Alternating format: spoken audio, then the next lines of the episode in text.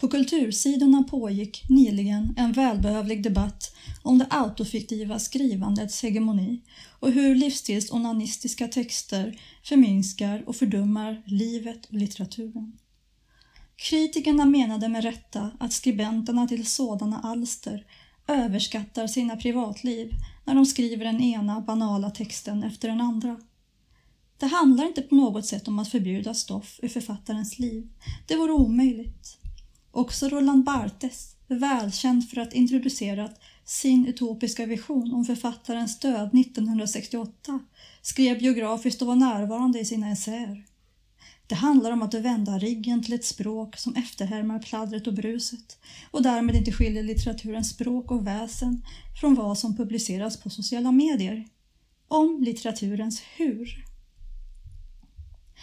Därför är jag överförtjust i en sådan författare som Andreas Lundberg. Han har sedan sin första publicerade bok både skrivit om sig själv och tagit hänsyn till form och språk.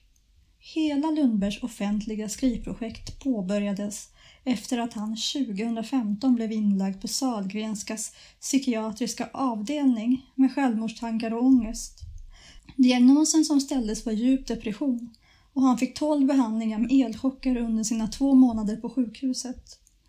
Episoden minnade ut i att han skrev vad som kan kallas en depressionstrilogi. Den börjar med romanen Storm i den pelare som bär, en berättelse, fortsätter sedan med Ofarbar tystnad och avslutas med Gerontion 2021 som belönades med vis litteraturpris.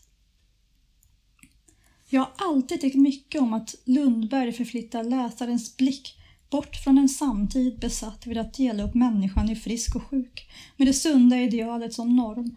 Hur han skriver om psykisk skörhet, brist på pengar, ensamhet och att vara socialt utsatt. Utan att det blir slafsigt och nostalgiskt. Diktsamlingen Kort världshistoria med figurer är inget undantag. Förlaget marknadsför den som författarens första poesibok. Själv har jag alltid läst honom, inte som en prosalyriker, utan i likhet med Jon Fosse, som en författare med poetens gehör och känslighet för språket. En författare svår att kategorisera, vilket han tack och lov fortsätter att vara. Kort världshistoria med figurer består av 150 dikter med rubriker som autofiktion förkortad till myten om Taliesin andra födelse horoskop, soldelning och Stora björnen. Formen zigzaggar mellan längre prosastycken som tycks vara skrivna i en utandning till kortare rektangulära texter som avlöser längre sådana. Ibland kursiverade, ibland inte. Fragmentariska stycken avlöser mer hölderlinska textvirvlar som formerar sig nedför sidorna med mängder av bilder, anrop, metaforer samtidskommentarer och bibliska och litterära referenser. Ibland består titlarna av kursiverade citat. Exempelvis från den grekiska mytologin blandad med egna omskrivningar och tillägg som här från Dekalion. En myt i vilken Pirha, dottern till Epitimeus och den första människokvinnan Pandora och hennes makare Dekalion, son till Prometheus, kastar stenar som förvandlas till människor. Citat. Kasta en moders ben bakom sig. Kasta en dotters ben bakom sig. Slutcitat. Tematiskt, om det nu är möjligt att tala om något sådant, känns den Lundbergska maneren igen. Här finns döden, depressionen och världen som dödfödd. Denna gång i formen av ett foster som dör under en bukgraviditet och är för stort för att återupptas av kroppen. En reaktion uppstår där fostret förkalkas för att skydda kvinnan från förruttnelsen. Utan att stryka läsaren medhårs skriver Lundberg det han behöver skriva.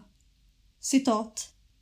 Det skar igenom moderns buk och bukhinna och såg nu den häpnadsväckande svulsten som var skrynklig och liknade kammen på en kalkon. Den var hård som en snäcka och täckt av något som påminde om fiskfjäll eller kanske en räfflad havsbotten. Kirurgerna satte sina knivar i den men lyckades inte genomborra det hårda skalet. När deras skalpeller skavts slöa mot den hårda tumören hämtade de hammare och en borr och förmådde till slut bryta sönder detta sigil av sten. Slutcitat. Förutom saknaden efter en död dotter är den valesiska medeltida skalden Taliesin en återkommande figur i boken. I keltisk mytologi är han en mäktig gestalt med magiska krafter. Men ingen magi i världen kan hjälpa mot den sorg en död dotter lämnar efter sig. Så här låter det i slutet av en dikt med titeln Taliesin som jobb i portarna till det yttersta mörkret. Citat. Är jag fri att röra mig? Bara i din frånvaro. Att andas bara i syret som rusade in när du försvann och bara i tomheten höja mitt rop. Slutcitat. Om sin depressionstriptyk hävdade Lundberg själv att den är som Dantes gudomliga komedi med helvetet, skärseld och himmel. I motsats till en skapelseberättelse är den snarare en avskapelseberättelse. I denna bok pågår avskapelsen. Försöket till avskapelse, the creation, är en filosofisk och teologisk tanke som bland annat förknippas med den franska filosofen Simone Weil. I likhet med Lundberg konverterad katolik. Den kan beskrivas som att det som är frånvarande också är närvarande i världen och vice versa. Rent poetiskt har det med språklighet att göra. Genom att gå in i språket och urskilja dess grundläggande beståndsdelar finner den här typen av poetik inte en elementär sats utan två och de motsäger varandra. Inte bara Guds närvaro finns utan också Guds frånvaro. Inte bara livet och kärleken utan också döden och separationen. Nåden finns i själva skaparakten som också blir skapelsen. I romanens teori skriver George Lukács att romanen hör till den gudsövergivna världen och kallar den för den negativa mystiken i gudlösa tider. Romanen blir alltså det som ger form och mening. För att citera Jon Fosse från essän Negativ mystik. En form som bland annat är mening utan mening och en tillvaro utan den stora meningen. Det här är en poetik som Andreas Lundberg genomgående traderar vidare han sålde sig till en skara pessimistiska författarmän som enligt europeisk efterkrigstradition med överjordisk gehör för språket ältar det mänskliga tillståndet, ja, med versaler. Döda europeiska män som Samuel Beckett, Thomas Bernhard och Lars Norén. Och så de levande som verkar i samma tradition, Andrzej Tichy, Johan Jönsson och nämnda Jon Fosse. Men även om Andreas Lundbergs stil föddes under en lycklig stjärna, inte långt från dessa otroliga författares, finns det också någonting att invända mot. För att vara dikt är kort världshistoria med figurer lång, 190 sidor. Det är inget ovanligt för Lundberg och ingen är mer välkomnande för diktböcker i det längre formatet än denna poesifantast. Men om böckerna som ingår i hans depressionstrilogi bestod av fragmentariska och täta stycken text med citat från Ian Curtis, Rimbaud och Strungne inskjutna är hans kort världshistoria med figurer mer slängig i formen. Den spretar en hit och en dit, bild efter bild avlöser varandra. Som för att reservera sig kan man läsa i förordet till depressionstrilogins pocketutgåva att hans skrivande är citat okommunicerbar förtvivlan. Slutcitat. Det subtila är en självklar ingrediens för all intressant litteratur. Jag tänker på Theodor W. Adorno som hävdade att all tidlig framställning är en eftergift åt konsumtionen. Att den typen av litteratur gör världen ytterligare en smula mer säljbar. Men ibland är det dunkelt skrivna, det dunkelt tänkta, för mig är god litteratur en sådan vars form och innehåll är likvärdiga och språk och berättelse densamma. Därför hade Lundberg tjänat på att lyssna mer på sin inre kritiker och dödat några darlings. Alternativt hade en redaktör behövt gå igenom texten en gång till och koncentrerat den bättre. Nu är delar av boken så starka att delar som blir för allmänt abstrakta stör läsningen. Den här dikten låter så här. Citat. Ingen blir mätt, hungern brinner bara hetare och våldsammare ju mer den matas. Slutcitat. Å andra sidan kan det finnas en poäng i att läsa dem som antidikter, poetiskt oformliga för att bryta mot den konventionellt vackra poesiformen.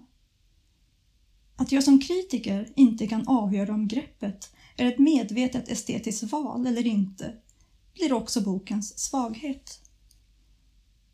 Men förutom att den typen av text gärna hade fått stanna kvar i skrivbordslådan och formen kunde tätats till har Lundberg med denna sin fjärde bok lyckats skapa en helt egen negativ kosmologi. Det är möjligt att läsa boken som ett sjok av ältande och evigt mörker. Ett cyniskt onaniverk med livet frånvarande redan från födseln och döden alltid närvarande. Lidandet som fetisch. Känslan av att vara förföljd och ständigt betungas av elände bidrar till att poetjaget tänker sig att citat Jorden är stum och svart och orörlig. Slutcitat. Och kanske är att känna så själva essensen av depressionen efter förlusten av ett barn. Men att inte värja sig, utan tvärtom skriva om det svåraste utan att försöka vinna läsarens sympatier. Nästan som en besvärjelse. Att skriva om sig själv men avstå från ett banalt språk som upprepar klyschor kan betraktas som något subversivt i sig. Ett motstånd mot det banalbiografiska som vår tid tycks helt besatt utav som gör levande erfarenheter till döda och urholkar litteraturen. Jag är inte ett sår du kan passera igenom, skriver Lundberg. Och ja, det är svårt att passera genom det djupt mörka såret som är denna bok. Särskilt med tanke på att den till skillnad från aktivistisk lyrik inte vill propagera för någonting förutom att vara sann mot sig själv. Det kan tyckas fatalistiskt, som om ödet på förhand redan har dömt ut människan. Men det är en alltför enkel slutsats att dra av läsningen. Cynism är att ge upp, medan pessimismen är motsägelsefull. Att sätta ord på den eländiga situationen möjliggör potent att mana till motstånd. För vad krävs för en stjärna att lita starkt på himlen? Jo, ett totalt jävla mörker. Ett komplext lager av skör existens och kötsligt våld flätas samman i Lundbergs dikt en dikt som ständigt på nytt tycks rasera och bygga upp sig själv. Det är ingen liten sak. Den här recensionen är originalpublicerad på www.ornenochkrakan.se under ansvarigt utgivarskap.